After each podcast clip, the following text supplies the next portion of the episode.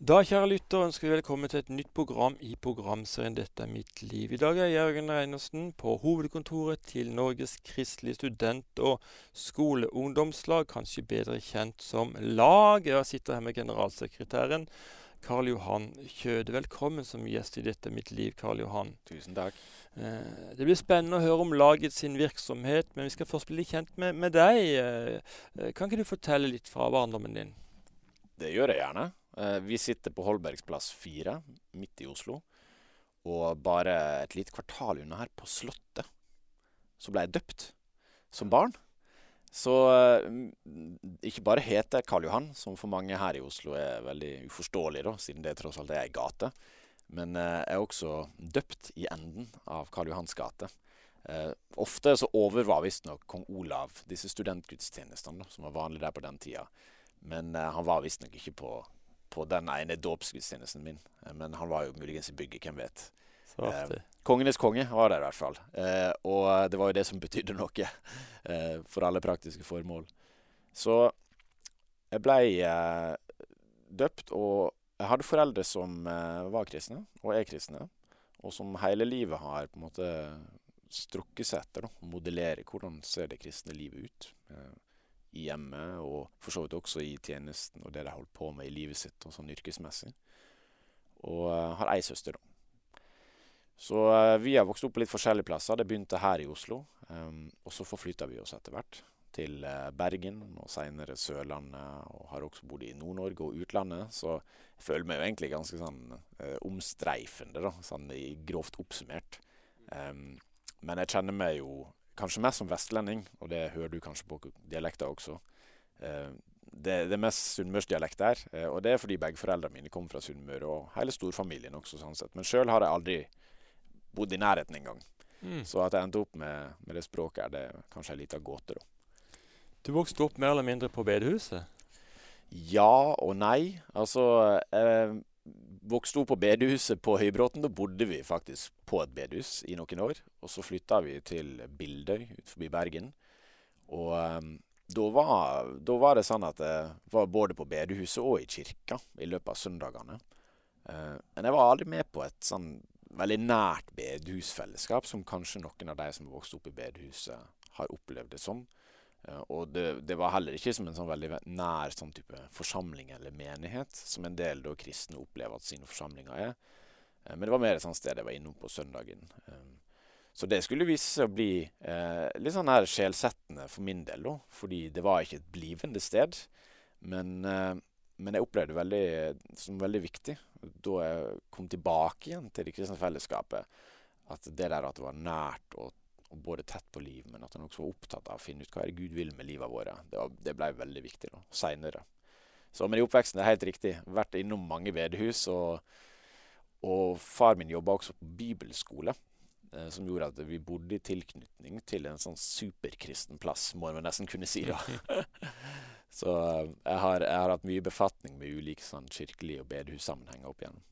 Betyr det at du ble spart for en del eh, ja, ungdomsutfordringer, som er rus f.eks.?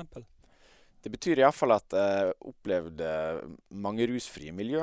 Eh, og så var det for meg som det var for de fleste andre. Jeg gikk jo på en vanlig offentlig skole, som de fleste gjør i Norge. Og, og, og, og mange av vennene mine var jo ikke oppvokst i det samme miljøet. Så uh, rus ble jeg absolutt introdusert for tidlig i tenåra. Og det spilte en viss rolle også i løpet av den tida.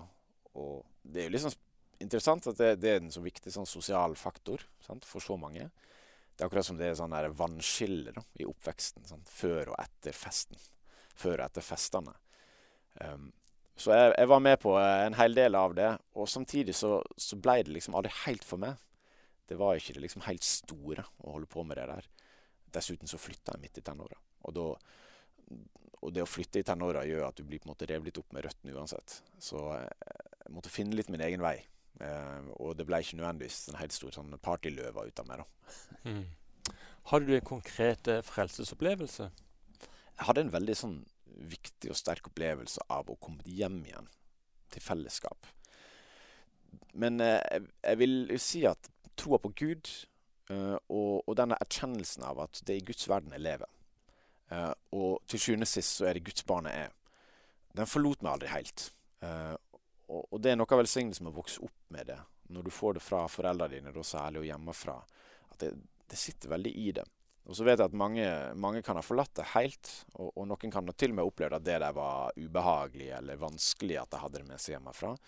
Men for min del er jeg veldig glad for det, for det betyr at da jeg som 15-16-åring ble gjenintrodusert for kristenfellesskapet, gjennom laget, faktisk, um, på skolen. Uh, så møtte jeg noen type mennesker som både snakka godt og troverdig om troa si, uh, men som også var interessert i meg, uh, og det å gi meg rom og ansvar. Og selv om jeg var en uansvarlig pjokk som ikke møtte opp da jeg sa jeg skulle møte opp, og gjorde det jeg sa jeg skulle gjøre, så ble jeg likevel sett ønska og vist tillit. Det betydde veldig mye for meg. Og derfra utover så vokste nok den der erkjennelsen av hvem Gud er, og, og at uh, Gud gjelder for mitt liv, uh, og at uh, han har kalt meg til noe helt spesielt. Den vokste veldig tydelig frem nå. Hva gjorde du etter grunnskolen? Da begynte jeg på videregående. Først allmennfag i Mandal videregående, det som i dag heter studiespesialiserende. Men hadde så stort fravær at jeg ble mer eller mindre tvunget over på yrkesfag mm. samme år. Og jeg fikk lov til å begynne litt på nytt på kokkelinja. Så jeg tok to år med kokkelinja, uh, uten at jeg dermed ble den helt store kokken. Uh, jeg lager vel å merke en del middager hjemme i dag, det må jeg si, da. Uh, der jeg bor sammen med kona mi og to sønner, fem og åtte, og så har vi og så har vi en på vei. Oi. Ja, Termin i juni. Det er stas. Ja, det er stas. Det er veldig stas. Um, men kokkelinja ble det, da. Og eh, siden så, så, ble jeg faktisk da engasjert i laget først som ettåring. Eh, det er på en måte sånn ettårig tjenesteår der du bare egentlig gir frivillig tida di til en organisasjon. Og så som ansatt da, for å starte med pionering av skolelagsvirksomhet her i Oslo. Så eh, det var en spennende tid. Så ble det militæret på meg etter det, da det er jo fortsatt verneplikt i Norge, selv om kanskje flertallet ikke med aktivt i militæret. Så, så, det var et år som jeg både måtte ta, og som jeg også hadde stor betydning for meg etterpå. Eh, hvordan var det å være kristen i militæret? Det som er spesielt med militæret, er at uh, du, du, kommer på leir på innrykket, og, og, og, så blir du på en måte strippa av veldig mange av de identitets markørene som du ellers har, da, som gjerne er knytta til hvordan du kler deg, f.eks., eller hvordan hårfrisyra di er. Og, og, så blir du tvunget inn i et slags atferdsmønster som er militært og kollektivt. Så det er veldig fascinerende hvordan den første måneden særlig, første par månedene, så er du, du er så lik alle andre. Eh, og det gjelder absolutt alle, enten de er på en måte eh, gangster, eller de er SOS, eller de kommer fra bedehusmiljøet på Vestlandet. Så er du, du er lik, lik hverandre. Og så er det først på kanskje den første permisjonshelga, der alle går ut, at en del sånne forskjeller begynner å utprege seg. Um, så det var en fascinerende observasjon. For min del personlig så var det sånn at um, jeg hadde et bevisst forhold til som en kristen. Så ønska jeg å være med og formidle det kristne budskapet gjennom militærtida. Så det var ikke veldig mange andre på grensa eh, opp mot Russland der som nødvendigvis delte den samme troa eller ønska det samme, men det var en del. Så vi hadde nok eh, vi, vi, fikk litt spillerom av feltpresten til å lage det vi ville. Og, um, og jeg tror nok alle, det står iallfall i omtalen i årsboka, at jeg var han kristne. Eh, han, han, kristne fyren. Jeg husker ikke akkurat formuleringa, men det var veldig tydelig at det hadde alle fått med seg. Og, og opplevde jo også å bli tillitsmann da, i troppen, som, som, også tilsier at det var en viss sånn, positiv kanskje også atmosfære rundt det. Um, det første halve året i hvert fall. Eh, det andre halve året for min del så, så tror jeg vi merker det som en del kristne, og kanskje andre også merker, at det, eh, når du tar det veldig sammen og prøver å gjøre noe som du tror er rett, samtidig så sliter du litt med den indre motivasjonen for det. Sånt, det er akkurat som du har mista kanskje litt blikket for hvorfor var det jeg gjorde det her i utgangspunktet. Så blir en sliten av det. Uh, og jeg opplevde det litt sånn i militæret, at jeg hadde liksom tatt meg sammen og vært en flink kristen. Og så kom jeg mot uh, år, altså semester to, og så, så, var det akkurat som jeg ikke orka mer. Um, det, var, det, var, en veldig sånn rar opplevelse som for min del har blitt stående som et sånn vitnesbyrd om en type disippelskap som ikke er bærekraftig. En type disippelskap betyr jo på en måte etterfølgelse, det å være en lærling av noen. Og som en kristen så tror jeg at, at du, du, er kalt til å være en lærling av Jesus. da. Eh, så det var, det var liksom lite bærekraftig læretid. Hva gjorde du etter militæret? Da studerte jeg. Flytta til Oslo. Uh, gifta meg. Jeg var forlova i løpet av førstegangstjenesten. Uh, og vi gifta oss da på Sørlandet, der du kommer fra. I, i, fest, I, festninga midt i byen. Oi, oi, oi. Det var sommerens varmeste dag. Og uh, vi hadde ikke gjort research på aircondition-anlegget, så det forblei sommerens varmeste dag også innendørs i festninga. Og når det først har kommet varme inn der, så er det ikke lett å få ut igjen, for å si det sånn. Så det er det alle som var i det bryllupet, husker. Um, og siden så gikk da veien til Oslo, og der studerte jeg da teologi og ledelse på NLA i skolen. Og um, gjorde det nok kanskje litt i sånn fravær av en bedre vei. Um, ikke fordi det er en dårlig vei, uh, men fordi det tross alt var noe jeg interesserte meg for. Men jeg var veldig usikker på på det tidspunktet er det her noe som jeg kommer til å få bruk for, altså sånn yrkesmessig. Um, så det var en sånn ren interessevalg da, fra min side. Men det viste seg at jeg skulle få bruk for det eh, ganske mye etterpå. Kjære lyttere, du hører på programserien 'Dette er mitt liv'.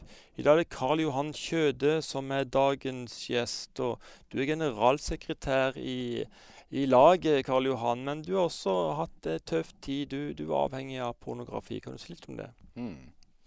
Ja, altså jeg tror eh, jeg, jeg, tror det Eller det, jeg vet at pornografi det er noe som uh, opptar veldig mange. Uh, og uh, en kan ofte lese aktualitetsstoff knytta til det, som f.eks. viser at folk som ser på det, økende antall, og mengden en bruker det, et økende antall. Og så er det akkurat som det er også knytta til pornografi i vår tid, mangler en slags sånn moralsk reservasjon mot det. Så foreldregenerasjonen Eh, som kanskje ikke har vokst opp med internett og den tilgangen som finnes i dag, har egentlig erklært litt sånn fallitt. Og, og, overlatt generasjoner til sin egen veiledning på temaet. Og jeg tror det er litt sånn i frykt for å være moralist. da. Og det tror jeg mange kristne oppfatter som når det kommer til spørsmål om seksualitet og pornografi, som moralister som skal mene noe om, om, om hvordan alle andre skal leve enn deg sjøl, um, eh, og som også skal mene det veldig sterkt. Um, og det er jo bare til å beklage at en oppfattes sånn, og kanskje har det sammenheng med at en faktisk også har vært sånn. Um, for min del så er ikke pornografi et tema jeg snakker om som en moralist, men et tema jeg snakker om som en, en med dypt personlige erfaringer, og en som har møtt etter at jeg har snakket åpent om mine erfaringer. Veldig mange historier, altså flere hundre mennesker som har tatt kontakt for å dele sine historier. Uh, der mennesker har vært uh, folk som har vært uh, kristne og troende, men det er også folk som har vært ikke-kristne. Um, og som har opplevd det med avhengighet i pornografi som vanskelig for deg sjøl. Og når jeg snakker om avhengighet, så, så, tenker jeg på en type atferdsavhengighet der du, du, fortsetter å gjøre en, eller holde på med en type atferd som du egentlig ikke ønsker å holde på med, og likevel så fortsetter du med det. Uh, det er litt sånn som en av forfatterne i Det nye testamentet, Paulus, skriver i Rombrevet kapittel 7. Sånn, det, han, det, han, det, han, har lyst til å gjøre, det gjør han ikke. Men det han, det han gjør, det har han ikke lyst til å gjøre. Altså Den dobbeltheten som mange kan kjenne på da, når vi, når vi trekkes mellom det gode riktige valget og det vi egentlig likevel velger.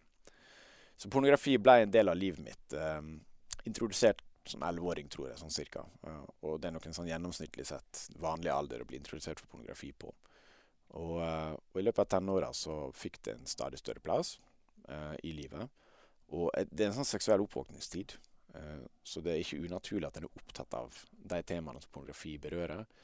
Men uh, noe av grunnen til at jeg oppsøkte det, jeg tror nok var at det var det lettest tilgjengelige. Sant? Det var det lettest tilgjengelige virkemidlet for å, for å liksom lære om det seksuelle og også nyte det og glede seg over det. Men, men så var jo ikke akkurat gleden den helt store, og ei heller den helt store langvarige. Um, for pornografi ble for meg det som det er for veldig mange. En slags sånn mestringsmekanisme. En slags sjølmedisinering etter hvert av de følelsene som var vanskelige. Um, og den type sjølmedisinering tror jeg en kan ha med ulike typer atferd. Noen spiser mye. Andre snakker ned andre mennesker og baktaler for å få deg til å føle seg godt om seg sjøl. Men sant? disse de hjelper til sjuende ikke, ikke hvis, du, hvis problemet ditt er ensomhet. Sant?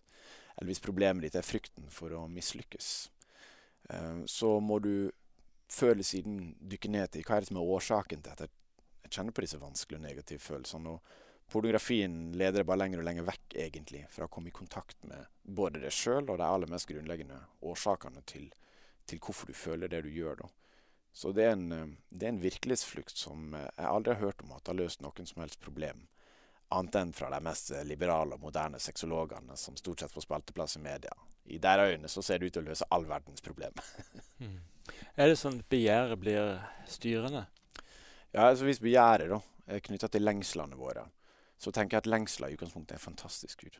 Det er en fantastisk ting. Altså C.S. Lewis, han, en, en, forfatter som har skrevet Narnia-bøkene, også en rekke kristen litteratur fordi han sjøl blei kristen. Eh, han, han, sa det at problemet vårt er ikke at vi lengter for mye eller begjærer for mye. Men problemet vårt er at vi begjærer altfor lite. Men at vi tar til takke med så dårlige, kan du si, dårlige løsninger eller svar på lengslene våre. Vi er som eh, et barn, beskrev han like etter krigen, som sitter og leker i gjørma i Londons gate og bygger gjørmeslott av det. Og så avslår vi turen til stranda. Der eh, vinden er frisk og sola skinner, og du kan bygge all verdens sandslott. Fordi vi simpelthen bare ikke vet bedre nå. Og, og jeg tror for veldig mange så er denne valget om f.eks. å se på pornografi det er et valg om å tilfredsstille lengslene sine etter noe bedre, noe godt. Kanskje lengselen etter harmoni, eller lengselen etter fellesskap med noen, eller lengselen etter forsoning med noe. Eh, eller lengselen etter hvile, sant, som jeg tror veldig mange mennesker i dag sliter med fordi en har en hvileløs kultur. Og så, og så tar en til takke med sånn hurtig løsning, der du for et øyeblikk glemmer det. Men så løser ingen verdens ting.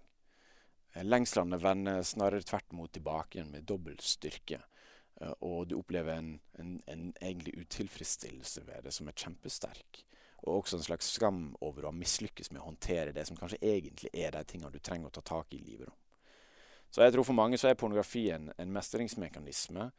Og jeg vil invitere folk egentlig til å stille seg det helt enkle spørsmålet hvorfor, hvorfor ser jeg på det her? Altså Hva er det som driver meg? Hva er mitt motiv med det? Og ofte i bare det enkle spørsmålet så vil en oppdage at ja, kanskje gjelder det her meg også jeg har noen dypere lengsler i livet mitt. Kan det bli sånn at du, du blir så avhengig at du kansellerer andre avtaler for å se på pornografi? Ja, atferdsavhengighet også av pornografi. Det gjør jo at du får en uønska atferd ofte. Og, og, for mange Jeg snakker med folk som har virkelig forkasta alle nære relasjoner i livet sitt. Jeg husker Det er et par sånne samtaler jeg har fått opp igjennom som har gjort dypt inntrykk på meg. av en, en mann som sa at nå har jeg nå har jeg vært på det skråplanet altså hele mitt voksne liv. Kom ikke ut av det. Og nå, nå, har, nå har, de oppdaga det. Sant? Alle mine nærmeste oppdaga det. Og jeg lover jeg skal slutte. Jeg prøvde å slutte, men, men jeg klarer ikke. Og atferden har bare eskalert, og nå har de brutt all kontakt med meg. Og for meg å høre den historien om og om igjen, egentlig, da, det er ganske sånn hjerteskjærende. For du skjønner at det handler om folk som har dype lengsler og store problemer med å rette deg mot rette deg mot en som faktisk kan svare på deg. Um, men det er også der på bunnen, når folk innser altså, ok, jeg har et problem, eh, at jeg også har erfart at det er mulig å snu det. Altså, Det er ingen problem som er så store at de ikke på et eller annet vis vil kunne møtes av Han som kom til verden for å løse alle mennesker sine problemer, Jesus. Eh, og, for, og for min del ble det det, altså, En kan snakke om den psykologiske dimensjonen ved, og du kan også snakke om den nevrologiske dimensjonen, f.eks. med pornografi. og Det er viktige ting for å beskrive hvordan Guds skaperverk fungerer. Sant? Det kan hjelpe oss å forstå hvorfor gjør en den og den type ting nå. Og Til sjuende og sist så, så, er det møtet med, med Jesus da, som verdens frelser, som både rommer alle, men også rommer meg, det ble helt avgjørende. Uh, og det ble utrolig viktig for å få lov til ikke bare å få nåde for det som har skjedd, men for å få nåde til å fortsette å leve annerledes. Hvordan var din vei ut av avhengigheten? Det var å snakke med noen om det. Det var det aller første og viktigste. Uh, deretter så var det den opplevelsen av at jeg ble tatt på alvor i det. Uh, og der opplever jeg at en del folk kanskje ikke kanskje en del, særlig pastorer, folk som jobber i kirken, da, som kanskje skulle hatt et sånn særlig hyrdeansvar, har egentlig slitt ofte med å klare å romme disse tingene her. Jeg syns det er manglet språk for det, både i og utenfor kirka, som både anerkjenner at det er et problem og vil hjelpe folk til å ta tak i det. Så, Men den der ansvarliggjøringa som fortsatte med å stå i relasjon med noen, var veldig viktig. Eh, og så er det det å finne ut hva er disse dype lengslene dine, og hva er det egentlig du er skapt for å skape. Hva er det, hva er det som er er det som er på en måte knytta til din person og dine egenskaper og dine gaver som du kan bruke livet ditt til? Og det å rett og slett finne mening i, i det livet du har fått, det er, det er utrolig viktig, tenker jeg også. For det, da handler det om at du begynner å erstatte det som før var en avhengighet og en uvane, med det du egentlig mente å skulle gjøre. Da. Og det fyller den eksistensielle lengselen med noe virkelig meningsfullt og flott. Hvordan reagerte kona di? For henne så var det her vanskelig. Så det må jeg si at når du ser på pornografi, så er det jo mange andre dimensjoner enn bare det som skjer med deg sjøl. Fordi at det preger jo syn og forholdet ditt til mennesker rundt deg. På ulike måter. Folk har sikkert ulike tanker om det her. Men for min del så var det med å objektivisere og gjøre andre mennesker til virkemiddel for, for meg og for, for, min egen nytelse. Og, og, det er utrolig steilt i brudd med det Jesus, Jesus kaller oss til, og på mange måter det menneskesynet som preger hele den vestlige verden. sant? hvert enkelt menneske har en ukrenkelig verdi. Og det å da redusere det til å skulle være et objekt for noens nytelse, det er å redusere det menneskets verdi, da. Um, så kona er jo én ting, og partnerne folk måtte ha, og barna og, og venner og de rundt en. Men uh, en sånn dimensjon som vokste fram hos meg, og som jeg tenker er ekstremt viktig, det er jo at i, i, altså for det første så er det jo en pornoskuespiller. Der er noen som må prostituere seg sjøl for å skape det, skape det produktet som etterspørres i pornografien. Og når i dag altså en så enorm mengde av hele internetten faktisk er pornografi, og når så, etterspørselen er så stor, og det er ingen regulering på det, så uh, må en jo bare simpelthen gå ut fra det faktum at som en som ser på pornografi, så er en med på å skape prostitusjon. En er med på å skape sexhandel en er med på å sånn sett skape moderne slaveri. Og det vet vi ut av tall og statistikker at uh, det, det, er jo få kan du si, områder som er så aktuelle innenfor moderne slavehandel i dag enn sexslaveri. Og det sexslaveriet er, er først og fremst et som formidles gjennom internett, ukritisk, og som av pornoseerne også konsumeres eller brukes ukritisk. Og det samfunnsansvaret der kunne jeg ønske at flere snakka om og ta, og jeg kunne ønske at vi fikk bedre reguleringer, sånn at vi som samfunn kunne ivareta det enda bedre. Og i hvert fall for min egen del personlig så har det blitt en sånn viktig det har blitt et sånn viktig moralsk ankepunkt og holdepunkt for min del. Det er sånn, Jeg har faktisk et ansvar for mennesket på andre sida av fiberoptikken. Det er et ekte menneske som har sin historie, og som på en eller annen måte sannsynligvis aldri drømte om å bli pornoskuespiller. Aldri hørt noen drømme om å bli det. Eh, det, det, er bare det, det, det, er det bare liksom uføre liv, mer eller mindre, som leder folk ut i. Mm. Hvis du skulle sitte noen lyttere nå, når du kommer med mange gode råd allerede, som ønsker å bli fri, hva vil du si til dem? Jeg vil si at uh, finn en du opplever som troverdig, og snakk med noen om det for aller første gang. Um, kanskje har du prøvd før uh, å snakke om det. Um, da tenker jeg der, eh, der finnes noen gode verktøy eh, en, kan, eh, en, kan, finne online nå. Altså helt fri i Norge gjennom tro og medier. Jobbe en del med disse tingene her. Der har god undervisning som kanskje kan hjelpe deg til å ta noen steg videre. Og helt konkret også hvor kan du gå for å få hjelp. Men det å finne noen å snakke med, det tror jeg er et veldig viktig første skritt. Hvordan kan menighetene komme mer på banen og hjelpe de som sliter? Jeg tror det begynner med at de som er ledere for et hyrdeansvar i menighetene, må ta oppgjør med sitt eget pornobruk. Statistikker fra USA, og vi har ikke så mange fra Norge, men det viser at det er jo like vanlig blant pastorer som blant andre.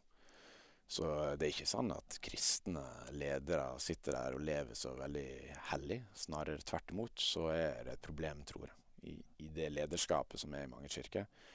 At uh, de som leder, uh, er blinde. Så det er blinde som leder blinde.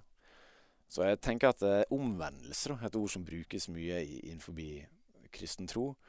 Og det, om, det her er et av de områdene der jeg tror en, en, trenger liksom en kultur for å få lov til å omvende seg.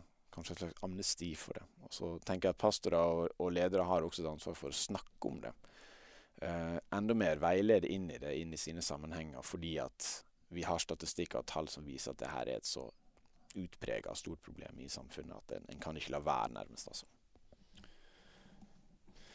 For eh, et par-tre år siden så var du på en konferanse, internasjonal konferanse, og der fikk du behov for å bekjenne noe av din syn. Kan du si litt om det? Ja. Revive. Og det var jo i, løpet av altså mens, mens, jeg var generalsekretær i laget, så reiste jeg og hele staben vår egentlig til Tyskland for å delta på en internasjonal sånn studentkonferanse. Og der så opplevde jeg det som jeg opplevde et par andre ganger i livet også. Um, det som en kan kalle et slags fornyelsesmøte. Der du liksom blir minnet på hva var det nå Hva var det nå det hele dreide seg om igjen? da? Hva, hva, var, hva, var, vitsen, hva er vitsen med alt det her som vi holder på med nå? Og, og jeg, jeg, tenker sånn liksom Det er et sånn grunnleggende prinsipp. Jeg tror alltid at visjonen lekker. Så det gjelder alle ting, uansett hva en jobber med, og hvis en har et klart mål, og særlig hvis det målet er knytta til noe stort og viktig og grunnleggende i livet, så man går ut ifra at det også vil lekke. Du vil liksom gradvis, hvis ikke du jobber med å feste blikket på det, så vil du fort miste blikket av det. For min del så ble det et sånt viktig møte med å få se Jesus igjen som den som skal være min leder. Og så er Jesus som den som jeg skal få lov til å se til i mitt liv, på alle områder av livet mitt. Og jeg tror det konferansen kanskje først og fremst trigga, var behov for å komme til Jesus med de tingene som jeg ikke mestra. Um, mange mennesker, kanskje særlig menn, syns det her med sårbarhet, det å være sårbar overfor andre, er noe av det aller vanskeligste vi gjør. Uh, og for min del var det en enorm forløsning i den sårbarheten jeg kunne få lov til å vise overfor Jesus på den konferansen.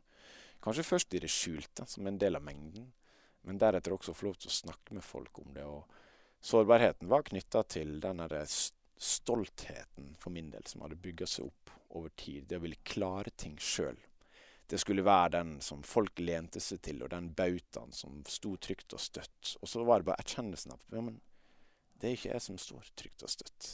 Det, det, det er ikke jeg som stilner stormen. det er det Jesus som gjør. Og min jobb er faktisk ikke å være sterk, men min jobb er å lene seg til en som er sterk. Jeg tror veldig mange i dag lærer unge så vel som voksne mennesker at vi skal skape meninger med vårt eget liv. Sant? Vi skal skape verdien av vårt eget liv. Det er iallfall slagordet til Humanistisk Ungdom, så det er ganske tett kobla på en helt bestemt type tro. Men jeg tror at det er en urettferdig byrde å legge på mennesket Jeg tror ikke vi er i stand til å skape det. Og jeg tror at i den grad du opplever at du er i stand til å skape meninger i ditt eget liv, få det perfekte livet, da produserer det stolthet. Og stolthet eh, fører til utilnærmelighet og mangel på sårbarhet og svakhet. Og det kjente jeg veldig sterkt på da. Um, og, og det, det, var utrolig godt å få lov til å legge bak seg. Og utrolig godt å bli mindre opptatt av hvordan jeg fremsto. Um, og det, det er utrolig befriende å få lov til å være sårbar og eksponert i møte med Jesus, men også i møte med de mennesker som var rundt meg, og oppleve at de tålte det jammen. De takla det jammen godt, og, og, faktisk talt så var det med å føre til at mange viktige relasjoner fikk lov til å blomstre. Du hører på programserien 'Dette er mitt liv'. Mitt navn er Jørgen Reinersen. I dag tar jeg en kopp kaffe med Karl Johan Kjøde, som er generalsekretær i laget. Ja, det heter jo Norges kristelige student- og skoleungdomslag. Og dere har ca. 200 lokallag og 4000 medlemmer. Hvordan holder du som generalsekretær styr på alt dette? Det har vi heldigvis mange gode folk som bidrar til. Så eh, min jobb blir å, å sørge for eh, at alle de som jobber i laget, særlig, som er de jeg har mest ansvar for, eh, har viktige og meningsfulle arbeidsoppgaver de kan gå til, og at de får frihet til å blomstre. For de kan jobben sin bedre enn det jeg kan. Så det er en fornøyelse å få lov til å jobbe med. Men eh, til sjuende og sist så er jo laget, og det ligger jo i selve ordet som vi bruker. Vi, vi, sier alltid bare 'laget', fordi det navnet som du sa, er kjempelangt. så, men lag, laget indikerer jo veldig sterkt at vi er gruppa av folk som står sammen. Vi står i lag. Eh, og lagsbevegelsen begynner på skolene og studiesteder.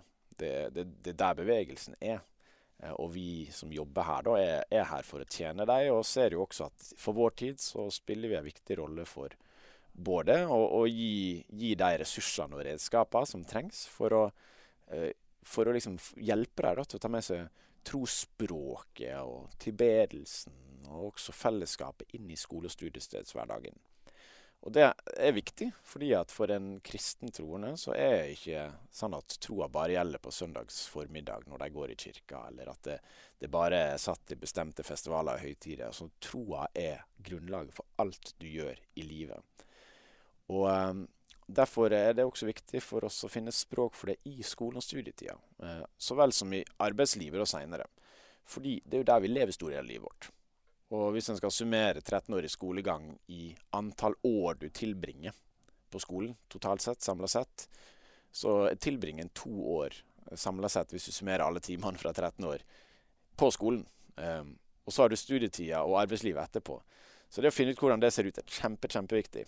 Um, og så jobber vi også med en del sånn direkte kommunikasjon nå, eh, fra laget, og da tenker jeg fra administrasjonen, um, inn mot både skolene og kommunene som skoleeiere, og for så vidt også myndighetene, men også at vi prøver å bidra inn i samfunnsdebatten da, og prøver å gi en stemme til disse skoleungdommene og kristenstudentene i vår tid. Eh, og det, det, er kanskje den delen av oppdraget som har blitt særlig mye viktigere altså de siste åra, eh, og som vi har brukt mye tid på. Eh, kan du si litt grann, eh, hvordan dere arbeider på, på skolen og studiestedene? Ja, så Det kan se sånn ut at fem elever på en videregående skole møtes i midttimen. Der kan de bruke det som vi f.eks. lager til deg som heter Lagslunsj, som er et bitte lite sånn studiehefte. Eh, som gjør at de slipper å planlegge så veldig mye i forkant. De kan bare møte opp og lese litt av Bibelen og snakke om det de har lest sammen. Og det her er åpent for alle. Det er ikke sant at du må være kristen for å delta på det. Noen ganger så er det mer sånn større møte. Det er noen ganske sånn store lag, da, ikke minst på Sørlandet, der du kommer fra, eh, som arrangerer liksom nesten som et minimøte i skoletida. Og det er jo elevene sjøl som gjør. Sånn, så det her er jo deres initiativ, og egentlig noe vi som storsamfunn vil oppmuntre til. Eh, og så kan det være sånne konsept vi har også. Vi har noe som heter Godhetsuka, som kommer i mars. Der en ikke skal promotere noe som helst av lagsarbeid eller arrangement. En skal bare simpelthen gå på skolen og på studiestedet og gi folk godhet. Kanskje betale for personen eh, bak deg i, i kassakøa, eller eh, skrive en hyggelig hilsen til noen som du bare har sett på avstand. Um, eller uh, gi en, som noen av elevene gjorde i Rogaland, gi billetter til spahotell til vaskepersonellet på din skole. Uh, så her er liksom bare fantasien setter grenser for hvordan en kan vise godhet. og så har vi et annet konsept som har bredt om seg veldig, og som heter Grillingkristen.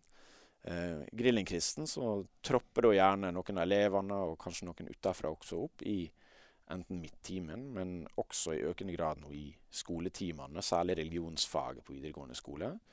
Og så, og så, sier vi til de som sitter i salen, nå kan dere stille oss hva som helst spørsmål. Vær så god. Eneste begrensningene er formatet, som er at vi må ha tid til mange spørsmål, så det blir korte svar. Um, og da opplever vi at interessen og nysgjerrigheten for kristen tro blant mange elever og studenter er kjempestor. Åpenheten for å snakke om det oppleves også som mye større enn kanskje det en kan få inntrykk av da, i med sånn her mediebilde og storsamtalen. Og, um, og vi opplever jo også at i kristen tro så finnes det både troverdige og attraktive svar på livets mange spørsmål. Um, og det er vi opptatt av å formidle da, uh, gjennom laget. Er det vanskelig på studiestedene å få tillatelse til å forkynne evangeliet? Det varierer veldig. Altså det, det viktige prinsippet er at det er elevene og studentene sjøl som er lagsbevegelsen. Så det er de som må drive lagsarbeid. Og, og da skal det i utgangspunktet ha lite seg, altså lite å si om det er forkynnelse eller for den saks skyld fadderuka og fyllefest. Altså studentene må få frihet til å gjøre det på sin, sine måter. Og da, da, velger vi måter som en kan være enig og uenig i. da. Men det student- og skolemangfoldet betyr veldig mye. Har fått gjort det? Uh, men dessverre så ser vi en økende grad av skepsis, og det har vi gjort over tid. Til eh, ting som kan få stempelet forkynnelse eller religiøst. Eh, og det opplever vi både på skoler på studiestedet, egentlig. gjerne mot virksomhet som har eksistert lenge. Uh, og, som, uh, og som de heller ikke egentlig særlig kjenner til, men fordi en har fått det der religiøse stempelet på seg, så oppleves det som noe vanskelig og konfliktfullt, og kanskje også farlig. Så litt sånn av frykt så møter vi f.eks. rektorer som sier nei, dere kan ikke ha skolelag lenger. Og, eller på studiestedet har vi også opplevd faktisk i, i høst å ha forent front med Humanitisk Forbund. Um, fordi uh, det var en høyskole på Vestlandet som hadde innført uh, regler om at livssynsorganisasjoner ikke lenger skulle ha tilgang til å kunne stand på universitetet sitt. Og det, det, er jo litt artig med sånne koalisjoner, og jeg tror det er litt viktig òg. For vi må ikke liksom kjøpe den der ideen om at vi skal være nøytrale overalt. Det er ingen som lykkes med å være nøytral i noe som helst. Bare det at vi har et utdanningssystem og at vi kaller det viktig, er ingen nøytralt standpunkt. Eh, snarere tvert imot. Det er et veldig verdilada standpunkt. Og det at vi har gratis utdanning i Norge, er jo et standpunkt som sier at alle mennesker skal ha like muligheter. Så det er en veldig sånn, sterk likeverdstanke. Den er ikke nøytral i det hele tatt. Så det er en spennende tid, da. Eh, vi opplever på videregående og ungdomsskoler at rektorer som vi imøtegår og, og, og viser alle argumenter til, vanligvis snur i beslutningene sine. Så de som først nekter f.eks. skolelag å møtes i midttimen, de snur ofte etter en god stund da, med argumentering fram og tilbake. Eh, men det kan være litt, kan være litt sånn utmattende, særlig for ungdommene som skal stå midt oppi det og stå i sånne prosesser. Så vi håper jo kanskje på at vi kan få se en holdningsendring etter hvert. Hvis det skulle sitte noen eh, studenter eller elever som tenker at eh, lagsarbeid det må vi ha på vår skole, hvordan kommer de i gang? De kan bare gå inn på nkss.no som nettside og lese seg opp på liksom viktigste fakta.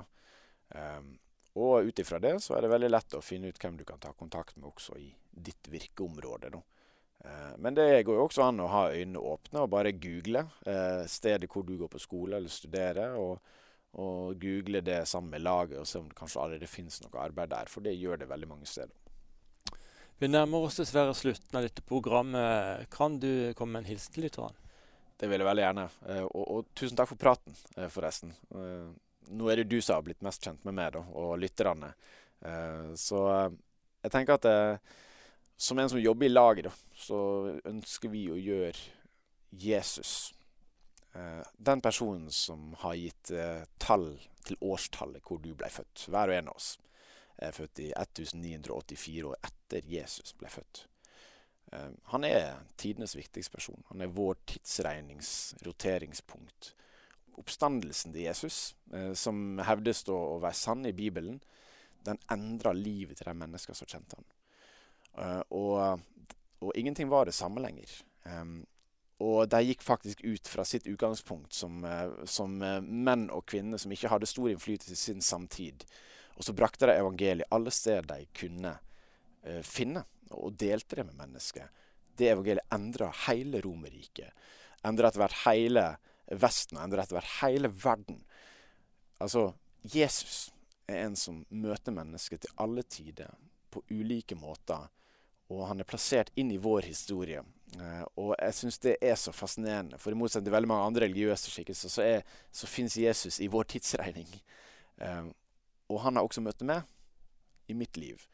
Uh, han møtte meg på ulike måter. en av de plassene jeg tenker det går lettest an å møte Jesus, det er å begynne med et av evangeliet. Lese i Bibel, lese Markus eller Lukas evangeliet. og se på denne personen som har vært med å forme så mye av også din hverdag. Ubevisst, fordi du er en del av vår verden. Og så tror jeg du vil oppdage i Jesus en skatt. En skatt som kanskje også vil kunne forandre ditt liv om du er åpen for det. Til å ta imot det han sier om seg sjøl, om hva som er ditt livs kall, eh, og følge Jesus. Jeg tror det er et valg du, aldri kommer til å angre på. Det er iallfall et valg jeg ikke har angra på for min del. Vil du også be en bønn for lytterne? Det vil jeg gjerne. Gode himmelske Herre. Takker for at du både ser og hører hver en av de som lytter her nå um, sine tanker, både om det som er sagt, og kanskje ellers akkurat hva livssituasjon de står i. Og så ber jeg gode himmelske Herre at du med din ånd, som er alle steder på samme tid, um, kan møte dem i stua eller på kjøkkenet eller i bilen, der de nå er. Um, og at uh, du kan opplyse dem i deres liv om uh, hva du ønsker å bety for dem. Og at de kan få til å vende seg bort fra synd og til det. Det ber jeg virkelig om i Jesu navn. Amen. Karl Johan Kjøde, hjertelig tusen takk skal du ha for at du tok deg tid til å være gjest i Dette mitt liv i en veldig travel hverdag. Må Gud rikelig velsigne deg, din familie og ditt virke i årene fremover. Tusen takk. Kjære lytter, jeg vil bare komme med en liten hilsen helt til slutten av dette programmet. I Predikantens bok kapittel 3 vers 11 står det Alt har han gjort vakkert i sin tid, også evigheten har han lagt ned i deres hjerter. Jeg er derfor overbevist om at det du egentlig lengter etter, er fred med Gud. Jeg aner ikke hvor mange gjester i denne programserien som har fortalt at de har vært i en så kritisk situasjon at de har ropt til Gud i sin nød. Om du finnes, Gud, så må det eller det skje.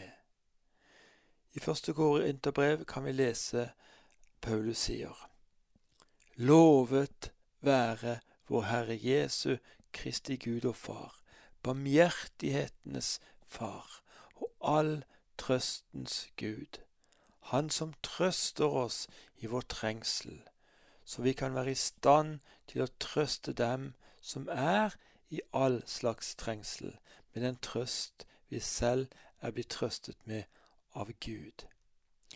Gud er barmhjertighetens far. Han hører våre hjerterop. Gud har på sin måte svart alle som har vært gjester i disse programmene. Kanskje ikke det ble helt som de menneskelig sett hadde ønsket, men alle fikk en berøring av den levende Gud. Jeg kjenner ikke din situasjon, men det gjør Gud. I Johannes' åpenbaring, kapittel 3, vers 20, sier Jesus, Se, jeg står for døren og banker. Om noen hører min røst og åpner døren, da vil jeg gå inn til ham og holde måltid med ham og han med meg. Jesus ønsker fellesskap med deg, kjære lytter. Om du vil respondere på dette i dag, kan du be denne bønnen etter meg. Jesus, jeg kommer til deg nå slik som jeg er. Tilgi meg mine synder. Jeg ønsker fellesskap med deg, Herre. Jeg ønsker at du skal bli min Herre og Frelser i livet. Takk at jeg nå er ditt barn, Gud, fordi ditt ord sier det. Vi vil veldig gjerne komme i kontakt med deg som ba denne bønnen, slik at vi kan sende en gratis bokpakke. Du kan kontakte meg, Jørgen Reinersen, på Facebook, eller så finnes kontaktinfo på vår hjemmeside 9010.no. Dette skrives slik nitti10.no. Her finnes også en rekke filmopptak fra våre møter og konferanser som du kan kose deg med. Neste uke er vi igjen på denne kanalen på samme tid med en ny gjest som deler sin unike livshistorie. Inviter gjerne noen venner på en kopp kaffe og lytt i fellesskap. Husk, kjære lytter, du er høyt elsket, du er unik, det finnes bare én som deg. Vi takker for i dag og ønsker deg det beste av alt Guds velsignelse.